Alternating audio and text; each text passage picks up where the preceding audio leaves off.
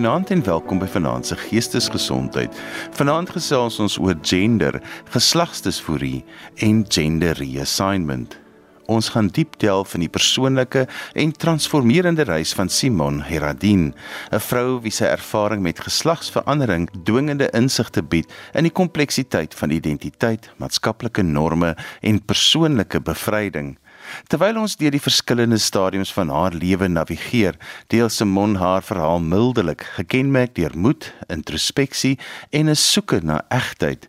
Haar narratief bied 'n genuanceerde begrip van die multidimensionele aspekte van genderidentiteit en dien as 'n venster op die uitdagings en die oorwinnings wat met die oorgangsproses gepaard gaan. Behalwe die mediese en sielkundige fasette, sal ons die gevolge van verhoudings, werk en selfpersepsie ondersoek en lig werp op die rimpeleffekte wat een individu se verandering op 'n wyeer gemeenskap kan hê. Die doel is nie net vir diegene wat met geslagdisforie worstel nie, maar ook vir ouers, onderwysers en enige iemand wat belangstel om 'n meer inklusiewe en begripvolle samelewing te bevorder. Sluit by ons aan terwyl ons hierdie intieme verkenning van Simone Heradin se merkwaardige lewensreis aanpak om haarself te kon wees wie sy is. Ek is en ek dink in die konteks van die storie, ek is net 'n dame. Ja, dit is hoe ek myself sien en dit is hoe ek is en dit is hoe ek voel die wêreld moet vir ons sien. You know, ek hou nie van almal daai kategorieë nie van jy's 'n X en jy's 'n Y en jy's 'n G en jy's 'n L en jy's 'n G en jy's 'n wat. Dit is nou miskien nodig vir vir vir wetgewing en en so voort, you know, as as daar diskriminasie is teenoor jou seksuele oriëntering of jou um jou gender jou jou jou gender identity. Maar um ek is 'n persoon wat glo ons moet mekaar nie in bokse sit nie. En ek dink dis ook hoekom ek my lewe lei as die vrou wat ek is, van ek is niks anders nie. Ek was net gebore, soos hulle sê gebore in die verkeerde liggaam in, maar in hindsight aan, you know, um as ek dit als moet oordoen en as iemand nou van my vra, kyk Simone, as jy nou weer as jou ma nou weer geboorte aan jou wil gee, sal jy wil gebore wees as 'n uh, soos ons die mediese terme 'n cisgender vrou wil wees. Miskien om kinders te kan baar, maar nie vir die ondervinding nie. Ek dink ek sal weer wel ek sal wyser wees. maar ek dink ek sal weer gebore word soos ek wat soos ek wat wat ek was. Ek sien myself as gelukkig om in 'n land en in 'n tydperk te leef waar ons die gender reassignment um surgery kan ondergaan. En ek dink dit is interessant eintlik dat selfs tydens die apartheid um se regering was dit wettig toegelaat en die staat het eintlik daarvoor betaal um tydens tydens apartheid en die dink mense se oë gaan groot as ek vir hulle sê dis nie eintlik 'n nuwe ding nie of mense vra vir my hoe het jy Thailand toe gegaan of hoe het jy Kanada toe gegaan? En ek sien nie dit was hier gedoen reg in in in in Kaapstad in groot by Groot Skuur Hospitaal en ek dink ek dink Steve Biko Academy um, Academy Hospital um doen ook nog gender reassignment surgery. So um wie ek dink ek dink die die die Die vraag wat almal vra is wanneer het jy besef jy is 'n vrou? Ek het besef ek is 'n vrou vanaf vanaf die dag wat ek kan onthou. So my eerste memory. Um 4 jaar oud. Um dit was maar ook ek, ek wil nie ek wil nie self daai bokse gebruik om te sê um um meisiekinders speel met met poppe en seuns speel met karre nie, maar ek het gehou van karre. Ek het gehou van kaboes en kroeks. Maar ek het ook gehou van poppe. Ek het ook gehou van ek, ek dink dis omdat ek steeds vandag 'n all-rounder is. Um ek hou van my fashion, my grimering en en my hairdos, maar ek hou van sport en ek hou van cricket en ek hou van rugby en um dis nou nie dat ek 'n hoeker in die span wil wees nie, maar ek hou van die ek hou van die wedstryd om om het, om dit te sien. Ek ek sal abseiling doen, ek sal bungee jumping doen. You know, um sport wat wat normaal weg geassosieer word met 'n man. En dit is deel van die feit dat ek hierdie bokse wil as, afskaf van ons weet daar's miljoene vroue veral in westerse lande of lande wat die wat um um nie so konservatief is nie. Selfs in um 'n moslimlande is 'n vrouens wat sokker speel. Hulle speel um sogenaamde mansport. Um so ja, ek dink dit dit was you know vanaf vanaf the get go het ek geweet ek is 'n vrou. um in my tiener tiener jare natuurlik dit was um dit is moeilik want um jy het nie geweet wat jy wie wat jy is nie. Die, die, die, die, toe ek die eerste keer 'n artikel lees daai tyd ek kon nou nie meer my ouderdom weggee nie maar jy nou daai tyd wat was nog genoem as transsexuals toe ek en dit was eintlik 'n troepie wat ek gele van 'n st storie van 'n troepie wat sy was sy was in die sy was 'n 'n 'n troepie in die ou ou regering um um in apartheid en toe sy in die sirkus gaan werk en sy is nou die geslagsverandering ondergaan dis ek maar dis mos nou ek you know? En ek het um ek het op 'n quest gegaan soos die Engelsman sal sê om nou dieselfde um om dieselfde uitkomste te kry as as die troepie. Troepie gaan so dis troepie gaan borde toe dis troepie gaan sirkus toe. En ek het toe Grooteskuur Hospitaal ek het navraag gedoen um en ek het deurgegaan met gewone um, psigiatriese evaluering um als was in orde maar met die laaste onderhoud het hulle my ma ingeroep. My ma het gesê sy dink eintlik ek is 'n swakkeling en um ek sal dit kan hanteer nie. En dit was een van die moeilikste dae in my lewe. Ek het nog nooit ek dink miskien het ek een, een of twee keer gehuil oor 'n man maar ek het nog nooit so gehuil omdat ek so ontstel was nie. Want um ek het nie verwag my ma sal vir die dokter sê ek is 'n um 'n swakkeling nie. So ek dink so omtrent miskien 5 of 6 jaar het verbygeloop en ek het um Grootskier Hospitaal het die operasies afgeskaf en um ek het in kontak gebly met 'n uh, nie psigiater nie, 'n uh, sielkundige, psychologist nie, ja, sielkundige. En kon met haar gebly en sy het my vir my laat weet dat die Grootskier Hospitaal nou weer um die operasies doen en in elk geval Um soos ek sê as ek dit weer moet oordoen sal ek Mens dit te pynlik nie, dis baie ongemaklik. Dis 'n hele proses, you know, om nou kras te wees en ek stel ons sê vir die luisteraars hier's 'n bietjie van 'n PG16 of 'n PG18, you know. Um byvoorbeeld vir die vir die vir die hele jaar was my urethra was dit bo die vagina, so dit was onder my naaltjie. So ek het vir 'n hele jaar in 'n in 'n in 'n in 'n jug in moes ek toilet toe gaan as ek wil urineer.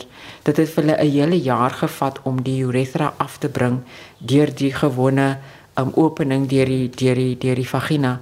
So you know dit is die die um struikelblokke wat 'n mens moet deurgaan. En daar was 'n tyd met die eerste operasie, ek dink ek was omtrent 20 dae in die hospitaal. Wat die dokters you know was ek ek onthou een oggend het die dokters my bed omring want ek het 'n uh, ehm um, ag ek kan nou nie by die mediese naam kom as dit is nie bloedklont nie maar dit is 'n hematoma.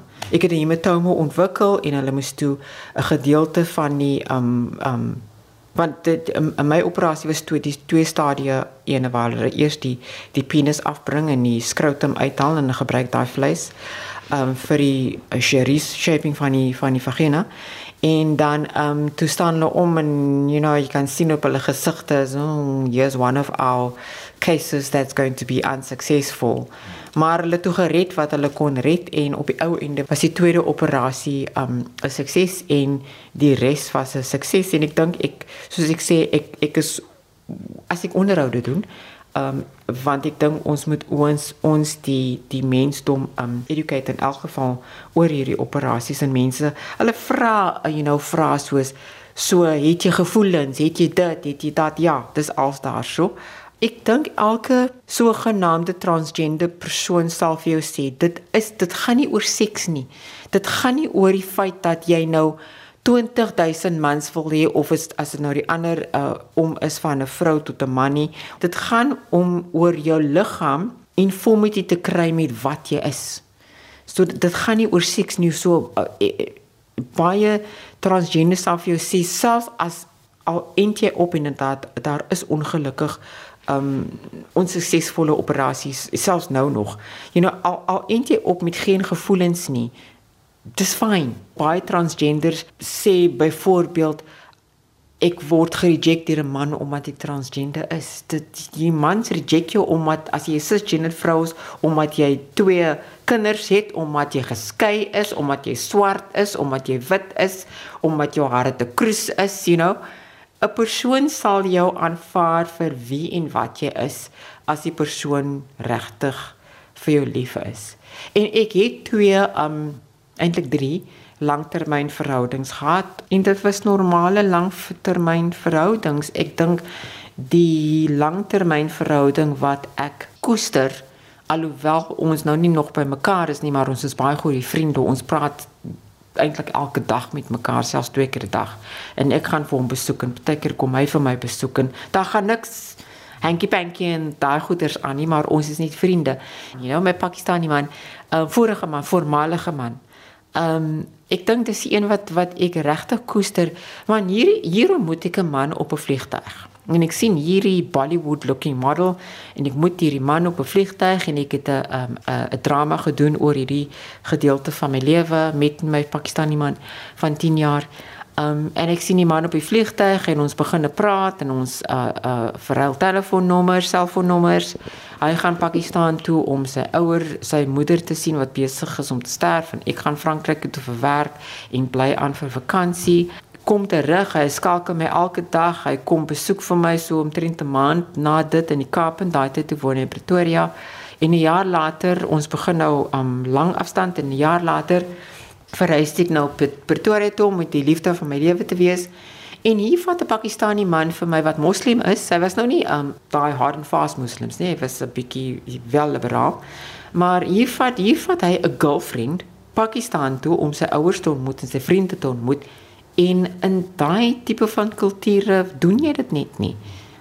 Hulle selfs te bang om hulle Suid-Afrikaanse of westerse vrou um, Pakistan toe te vat. So hy het die moed gehad om vir my te vat. Hy was 'n bietjie, you know, bietjie bang en skrikkerig en nou, you know, hoe hoe gaan dit hanteer? En ons het nou in 'n hotel gebly en hy het elke aand met my in 'n hotel geslaap. Um dit is een van my beste vakansies en een van my beste um nuwejaarsaande wat ek gespandeer het in Mall Road in Lahore met 'n groep mense van dwars oor die wêreld. En hy het nog gekom hier en daar met sy kultuur nonsens, maar my ek wat die liberale vrou is het vir hom you know, hoe sê hulle voet by stuk gesit en gesê ja, so ver nie verder nie. Maar obviously jy moet so 'n bietjie um you know ook luister maar wat jou jou jou partner vir jou sê en 'n bietjie um wat is die woord? Nou compromise, you know. Um moet jy maar in in elke verhouding so dit het gewerk. Um dit dit was nie eintlik die kulturele verskille of die religieuse verskille hy's moslim ek, ek is ateës wat ons dit was dit was eintlik 'n ongroeiing. You know dit ek, ek dink baie mense breek op deur ander ander goeters en vir ons was vir my was dit vir my was dit 'n ongroeiing van ek het die verhouding ongroei en ek dink dis hoekom ons nog um vriende kan bly en elke dag praat en want dit was nie daai uh, ek kan nou nie die woorde gebruik nie maar 'n uh, skiep dit was nie skiep skop, en donder break up nie dit was 'n this relationship has now reached its shelf life. I think we need to talk and, you know, get it over and done with. In die proses moet jy vir 'n redelike ruk leef soos wat jy jou gender is. Ehm um, so lank voor die operasie. Vertel 'n bietjie vir my van daai hoe dit gebeur het. Dis 'n baie interessante vraag, Johan. Daai tyd in ek gaan nou nie my my my um my ouderdom weggee nie vir die katelknape wat luister. Maar daai tyd in 1745 moes jy ek dink dit was vir 2 jaar. Moes jy vir 2 jaar soos jou gender leef wat jy wat jy is. En jy moes vir ek dink dit is omtrent vir 'n jaar psigiatriese evaluasie ondergaan. En hoekom sê hoekom ek sê dis 'n interessante vraag. Um toe ek nou ek het my naam verander ongeveer 10 jaar voor die operasie. My eerste naam. Ek kon nou nog ek het die aplikasie ingestuur na binnelandse sake, die aplikasie ingestuur na binnelandse sake en hy presto. Binne 10 dae kom daar 'n koevert in die in die letterbox in en dit sê okay. Daai tyd ek het nou net nog nie my operasie ondergaan nie, maar dit sê meneer S Heradin en my vorige voornaam het begin met 'n C en ek het geweet dit was verander. En ek onthou ek moet ek moes toe my matrieksertifikaat en my universiteit en my weet nie wat se sertifikate moes ek nou als verander na my nuwe naam toe. Maar dit was um, nog steeds meneer. Dit was nog steeds meneer, ja. Ehm um, my my interessant vir interessantheidshalwe my skool en ek hoop ek kan kan dit noem van ek wil eintlik vir hulle eer. My skool Crestway daai daai jare het vir my aanvaar soos die meisie, die jong meisie wat ek daai tyd was, soos ek is in graad af in 12. Het die onderwysers nog gesien die meneertjie is nie 'n meneertjie nie. Sy is 'n sy wil netbal speel en sy wil uh, wat naaldwerk doen en so voort en so voort, you know. Nou soos ek gesê het tevore, nie dat ek wil net net ek het gehou van cricket en wat is die ander um play met die stokke, hockey. Um in elk geval. Ek dink ek is nou nog 'n boundary pusher. So ek het die boundaries begin push en ek het my hare begin groei. Um so ek het daai daai wat is die die haar so purdy cut gehad, you know ek het my hare gegroei. Um dit was ge ge um ge, gesoolkous en allerste om dit nou styl te hou en en so voort. En die onderwysers het 'n blind eye, you know. Hulle het nog gekyk en gesê, mmm, ek sien sy het 'n bietjie lips lipstifie aan, 'n bietjie eyeliner op. Ehm um, daar was een of twee onderwysers wat my ingeroep het en gesê het jy's 'n man, jy kan nie so aantrek nie. Nou ek het net vir hulle so 'n vuil kyk gegee en die die um hoof van die skool het eintlik het 'n um skoolbeeenkoms gereël en het vir hulle gesê Simone en daar was een of twee ander uh uh gay boys. Um hulle was nou nie transgender, hulle was gay. En die hoof het die skool uh, dis uh die skool geroep en gesê you know this is Simone obviously daai het was nog altyd my manlike naam, maar ek sê dit vir niemand nie. Selfs my familie daarvan vergeet. Um ek dink miskien by my dood sal julle hoor van. Um want ek voel dit daai persoon is dood. You know, dit dis amper soos 'n dood. Daai persoon is dood. Daai persoon bestaan nie. In elk geval daai persoon het nooit bestaan nie. Daai persoon was die naam gegee deur ouers en ek ek wil nie my ouers of my ma kwaad praat nie. Maar kyk al jy mis hulle het ook geweet van beter, selfs vandag se ouers, you know. Um so ek blameer nie eintlik in in in in elk geval my ouers nie of my ma nie. Um maar net om terug te kom by skool. Hy het die skool geroep en sê dis Simone en dis ek kan nie 'n naam onthou nie. And she's um um transsexual and they are gay and you are going to respect them for what they are. En hulle het my toegelaat om my hare te groei. Die meisies kon blou langbroeke dra. Jy kan mos nou 'n uh, raai wie die eerste blou langbroek gaan koop. Dis mos nou sê you know en ek het skool toe gegaan met my blou uh, langbroek vanaf uh, graad 11 en die seuns het nog die grys gedoen en hulle het my maar so aangekyk. Um en ek het geloop en het niks gesê nie. So as ek nog vandag lees in in die media van skole wat nog debatteer, kan sy hare groei? Kan hy sy hare as nou hy nou 'n man wil wees, kan hy sy hare kort hou? You know, kan kan hy 'n broek dra en nie 'n rok dra nie? Sy I'm thinking my jy moet nou nie filtaal gebruik nie, my you know, bleep bleep bleep. Dis nou 2022. Um En ons het 'n konstitusie en ons is 'n eh, ons het wette en ek wil kom na die wet wat ek gehelp het um, ontwerp het. Um en ook my familie behalwe my ma. My ma in in later jare na my operasie, jare na my operasie, het my ma my begin aanvaar. Maar in, die, in my in my tienerjare en my en deur die operasie en so aan was dit dit het sy nie sy sy sy het geweier om vir my op my nuwe naam te noem. Hoekom dink jy was dit vir haar so moeilik? Ek dink dit was sy was konservatief, sy was konservatief. Um ek dink ook sy ouers ouers wil 'n tipe kind hê. Hulle hulle wil daar's baie ouers wat hierdie kind moet soos hulle wees as die kind opgroei of groot word. En sy wou 'n seun gehad het.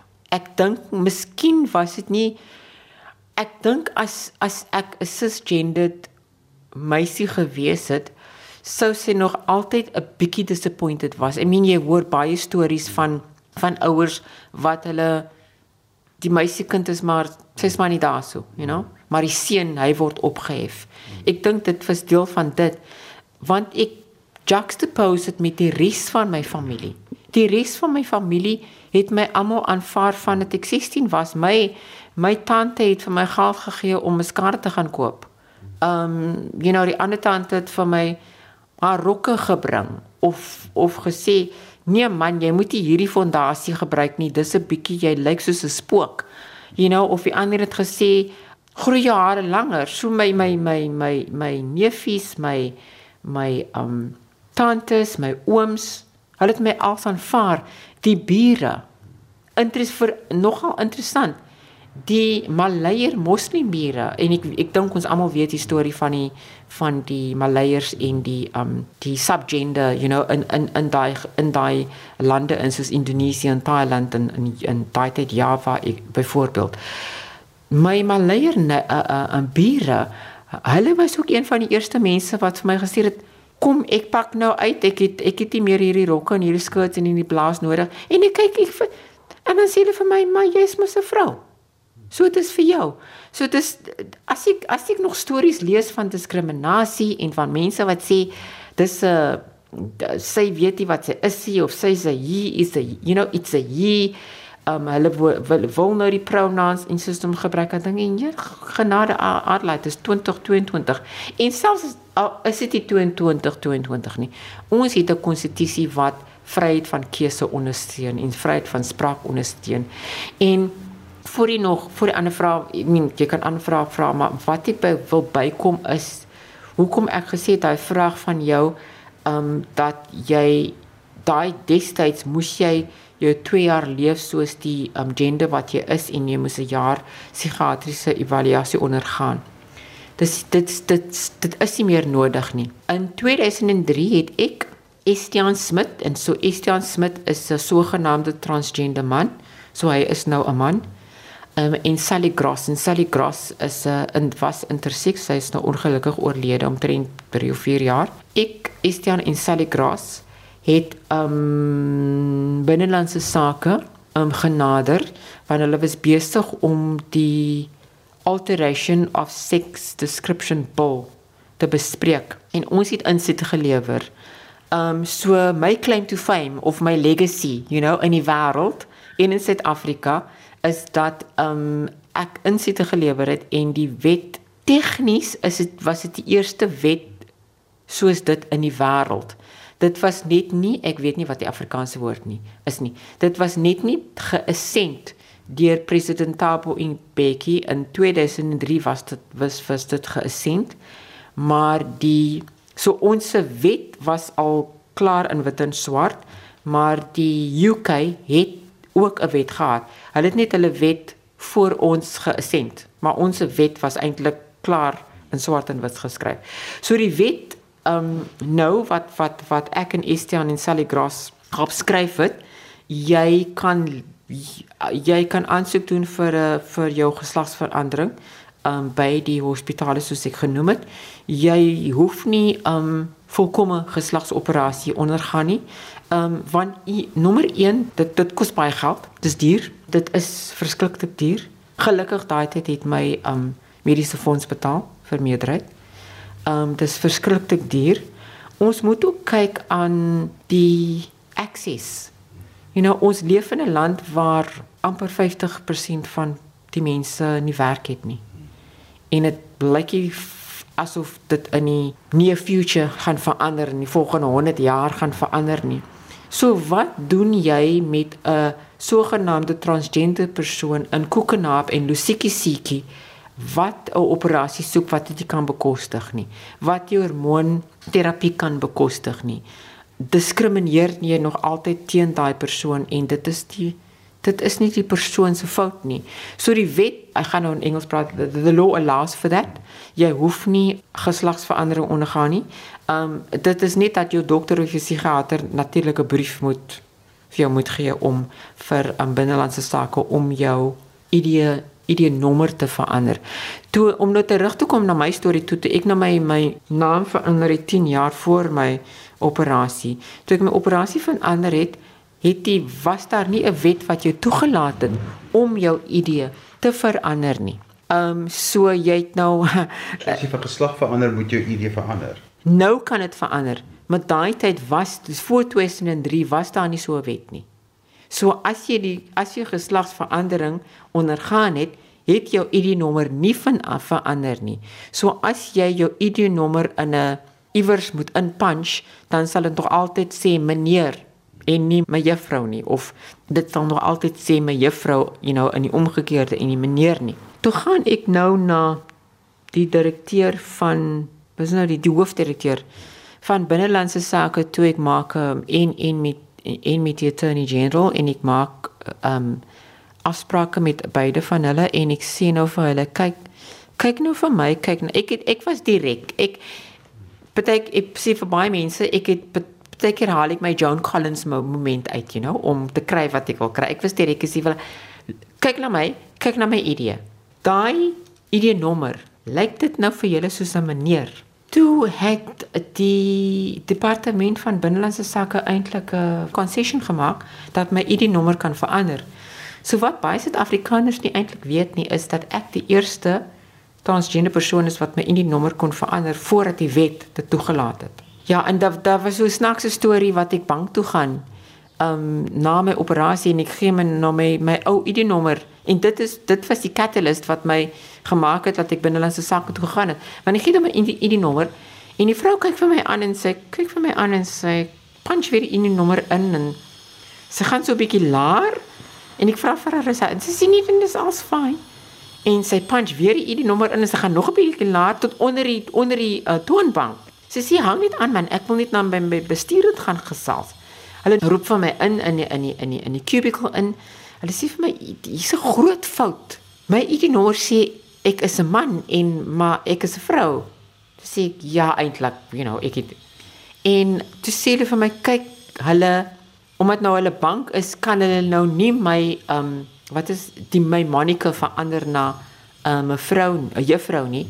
Maar wie baie van my soos byvoorbeeld my matrieksertifikaat, my ehm um, universiteit ehm um, selfs ehm um, wat selfs rekeninge soos ek gaan nou nie vir hulle freebie name gee nie, maar um, departmental stores wat jy klere koop en Hulle het my Monica verander na Miss. Toe jy ingaan vir jou eerste operasie, jy het gesê iemand het gesterf en die ware jy het eintlik opgestaan. Wat het daai aand deur jou kop gegaan? Kan jy onthou? Want dit is nou al 'n rukkie terug. Ah Johannes, hier rukkie terug, dit is veel jaar. Ehm um, wat het in my kop gegaan die eerste aand? Ek dink die eerste aand wat ek in die bed lê, ek dink dit was um ek kon dit nie glo nie. Dit was unbelievable. Ek het daar geleen gedink dit was soos 'n droom. Dit was soos wat 'n mirage, you know. Dit gaan dit dit, dit gaan nie gebeur nie. En ek was nie bang nie. Ek was kalm. Um ek het nie geweet wat vir my voor lê nie. Um ek kan net onthou toe ek wakker skrik. Ek was verlig. Maar ek moet sê die toe dit nou lyk asof daar komplikasies kom met die hematome en asof dit onsuksesvol gaan wees, het ek baie dep depressief ge, ge ek was ek het, was baie depressief in die hospitaal. Ek dink toe hulle nou vir my na 17 20 dae sê dat hulle kan my ontslaan en hulle dink hulle het gered wat hulle kon red. En daar was nog so 'n myne operasie wat hulle in die tussentyd moet doen voor hulle die finale operasies kon doen. Het ek begin aanvaar dat as dit nie 'n 100% sukses is nie, well, then that's it. It's the gamble that I took. Met die tweede operasie dink ek was ek was dit ook soos dit is nou the second dream come true en um ek was veel meer buoyant, veel meer gelukkiger. Um ek het geweet vanaf die vanaf die sewende dag het ek geweet dat die operasie 'n sukses was um, die dokters het you know na die 7 dag um gee hulle mos nou hulle nie hulle opinie nie hulle prognosis hmm. dat die operasie sukses sukses vat als dit gewerk daar was die komplikasies nie dit was al die moeite werd dit was die moeite werd om om 'n morphine induced um hallucinations te hê dit was lekker die morphine induced hallucinations te hê you know om om die pyn die Die die tweede operasie was nogal pynlik. Die eerste operasie nie so baie nie want kyk met die eerste operasie sny hulle baie van jou um senuwees in elk geval. So met die tweede operasie word daai senuwees nou weer herstel en en dit vat so 'n jaar om weer te hergroei en dan kry jy al jou sensasie terug in so 'n jaar of so jaar of twee kom dit kom dit als terug. So maar die tweede operasie was vir die eerste 5 dae, dit was 'n bietjie dit was nogal baie baie baie uncomfortable en pynlik. Mense se reaksie as hulle hoor dis die pad wat jy gestap het. Neem aan jy kan 'n boek skryf oor mense se reaksie en wat hulle jou vra. Mense se reaksie en nou gaan ek hoop dat die aktiviste wat luister vir my verstaan en en dit in konteks verstaan. Omdat hulle 'n vrou sien soos wat ons dink 'n vrou moet lyk. En dis nou 'n heeltemal ander gesprek, né? Die oorweldigende meerderheid van mense se reaksie is dis maar net 'n vrou. Okay, hulle sê seker in hulle in hulle mind en dis 'n transgender vrou, maar dis 'n vrou. Ek moet sê persoonlik het ek nogal nie baie transphobic incidents gehad in my lewe nie. Ek dink ook dit is ek ek glo sterk. Dis ook hoe jy as mens jouself hanteer as ek gaan na 'n vergadering in my vir my werk ek praat nie net van hierdie werk nie maar al my vorige werke. As ek gaan na 'n sosiale geleentheid as ek gaan na 'n politieke organisasie se se launch of so toe ek 'n joernalis was toe ek 'n um, 'n um, cultural coordinator was het ek ingestap as die vrou wat ek is. So dis wat hulle vir my gesien het. Baie mense vra vir my hoe reageer mans as jy nou vir hulle ek ek noem dit die historie, you know, die history. As jy vir hulle die historie vertel.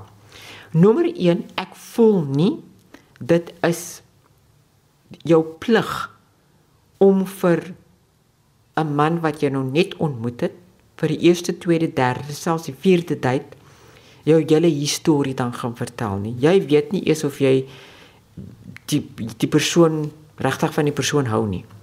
So ek is nou nie van daai transgender persone wat nou 'n man ontmoet en sê, "Hi, my name is Simon and I'm transgender." Nie. My name is Simon and that's where it stops.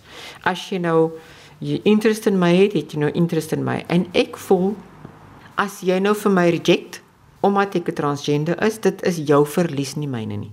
En soos ek voorheen gesê het, vrouens word gereject vir tientalle redes.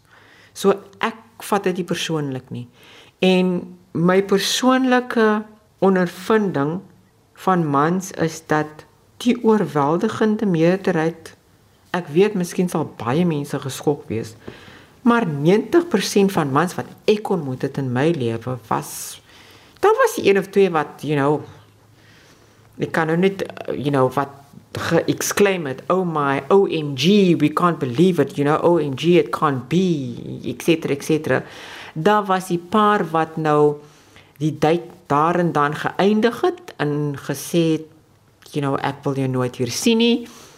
En dan 3 maande 6 maande later kry jy 'n hi how are you? in your WhatsApp in. You know hulle moet dit hulle moet dit net prosesseer daar's eintlik 'n 'n 'n Bollywood movie uit oor kan nie by die naam kom nie maar oor dit hoe die man tyd vat om te die man en sy familie om te prosesseer dan sar die, die een of twee slim is wat vir jou sê um I picked it up or I knew. Party van hulle miskien hulle mis hulle dit dis to say face.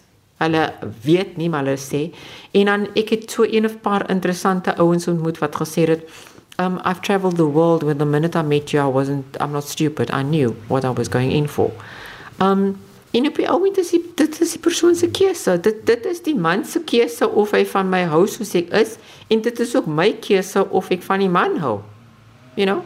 As hy as hy nie my tipe nie en ek dink baie kere is ons gekonfront gekonfronteer met dit is nie my tipe nie en dan moet ontmoet jy iemand wat nie jou tipe is nie en dit is die eintlike persoon vir jou wat jy nooit sou ek meen ek sou nooit in my lewe in kon dink dat ek vir 10 jaar met 'n moslim Pakistan. Ek meen my helfte van my familie is moslim.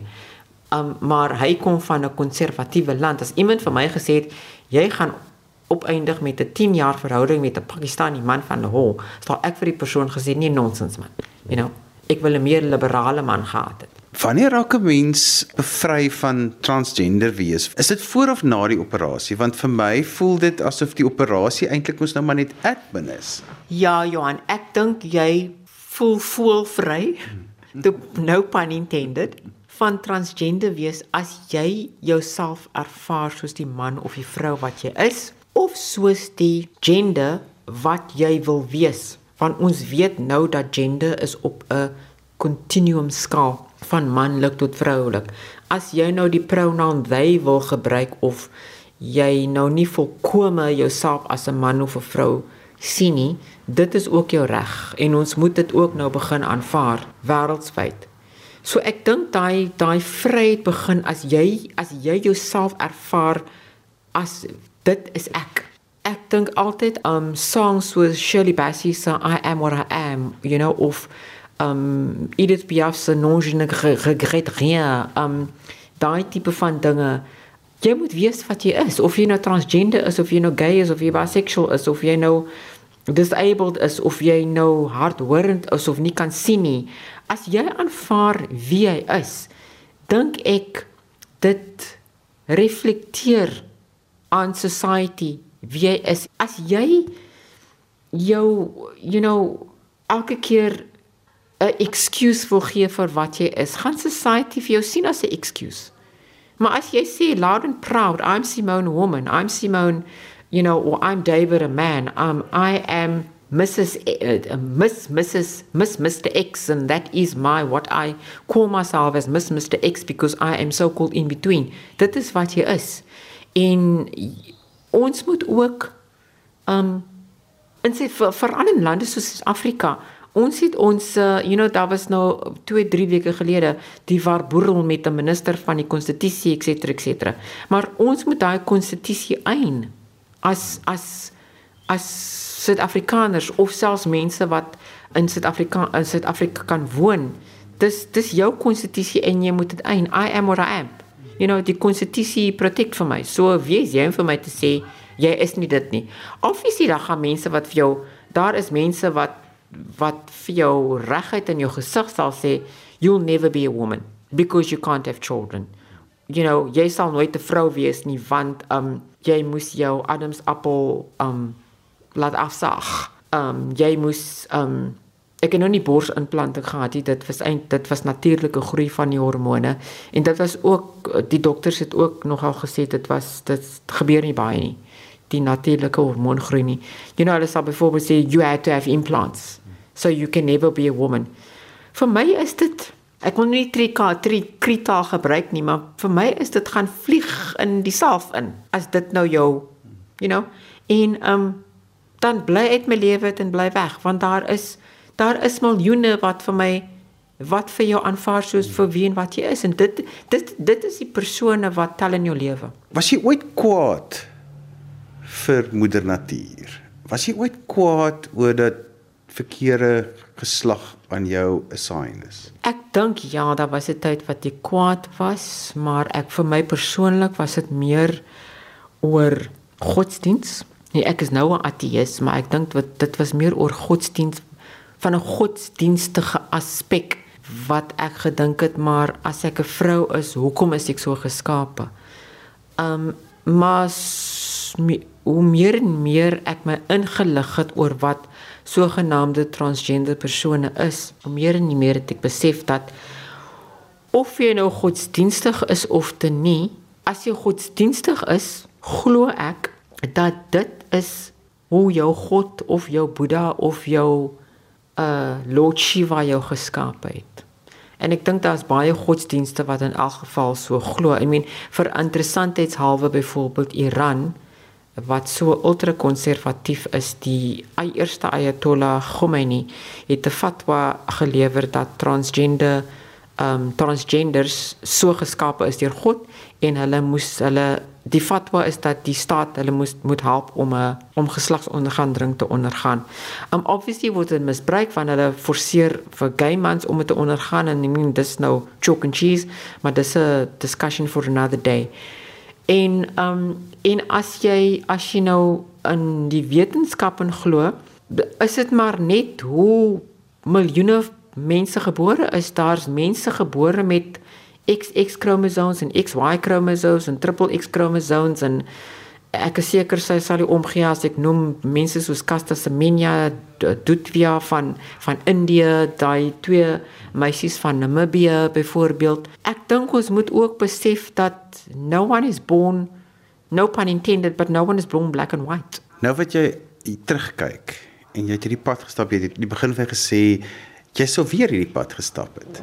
Ek wil jy 'n bietjie meer daarvan vertel want die ideaal is mos tog dat jou gender en jou geslag ooreenstem. Johan, ek dink die rede hoekom ek weer hierdie pad sal wil stap is um tweevoudig. Ek glo dit het vir my die sterk persoon en persoonlikheid gemaak wat ek is en ook dit het vir my 'n geleentheid gegee om iets te ondergaan wat baie mense nie in die wêreld ondergaan het nie. So dis nou nie uniek nie want daar is um miljoene ander transgenders en intersex en whatever.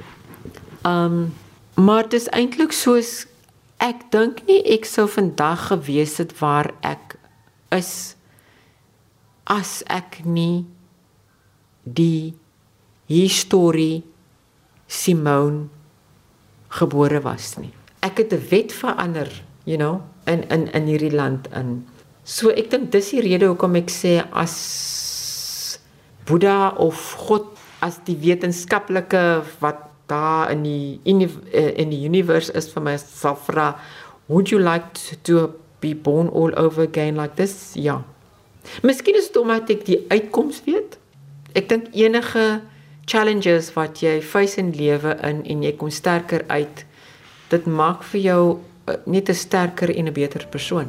En so gesels Simone Hiradin en sy het vir ons vertel van haar ervaring van geslagsverandering. En daarmee het ons gekom aan die einde van vanaand se geestesgesondheid. Onthou jy kan weer na vanaand se program luister as 'n potgooi. Laai dit af by resgep.co.za. Skryf gerus vir my 'n e e-pos by Johanvanlull@gmail.com en onthou daai Johan het net een N. En daarmee groet ek dan vir vanaand. Kyk mooi na jouself. Tot volgende keer van my Johan van Lill. Totsiens. thank you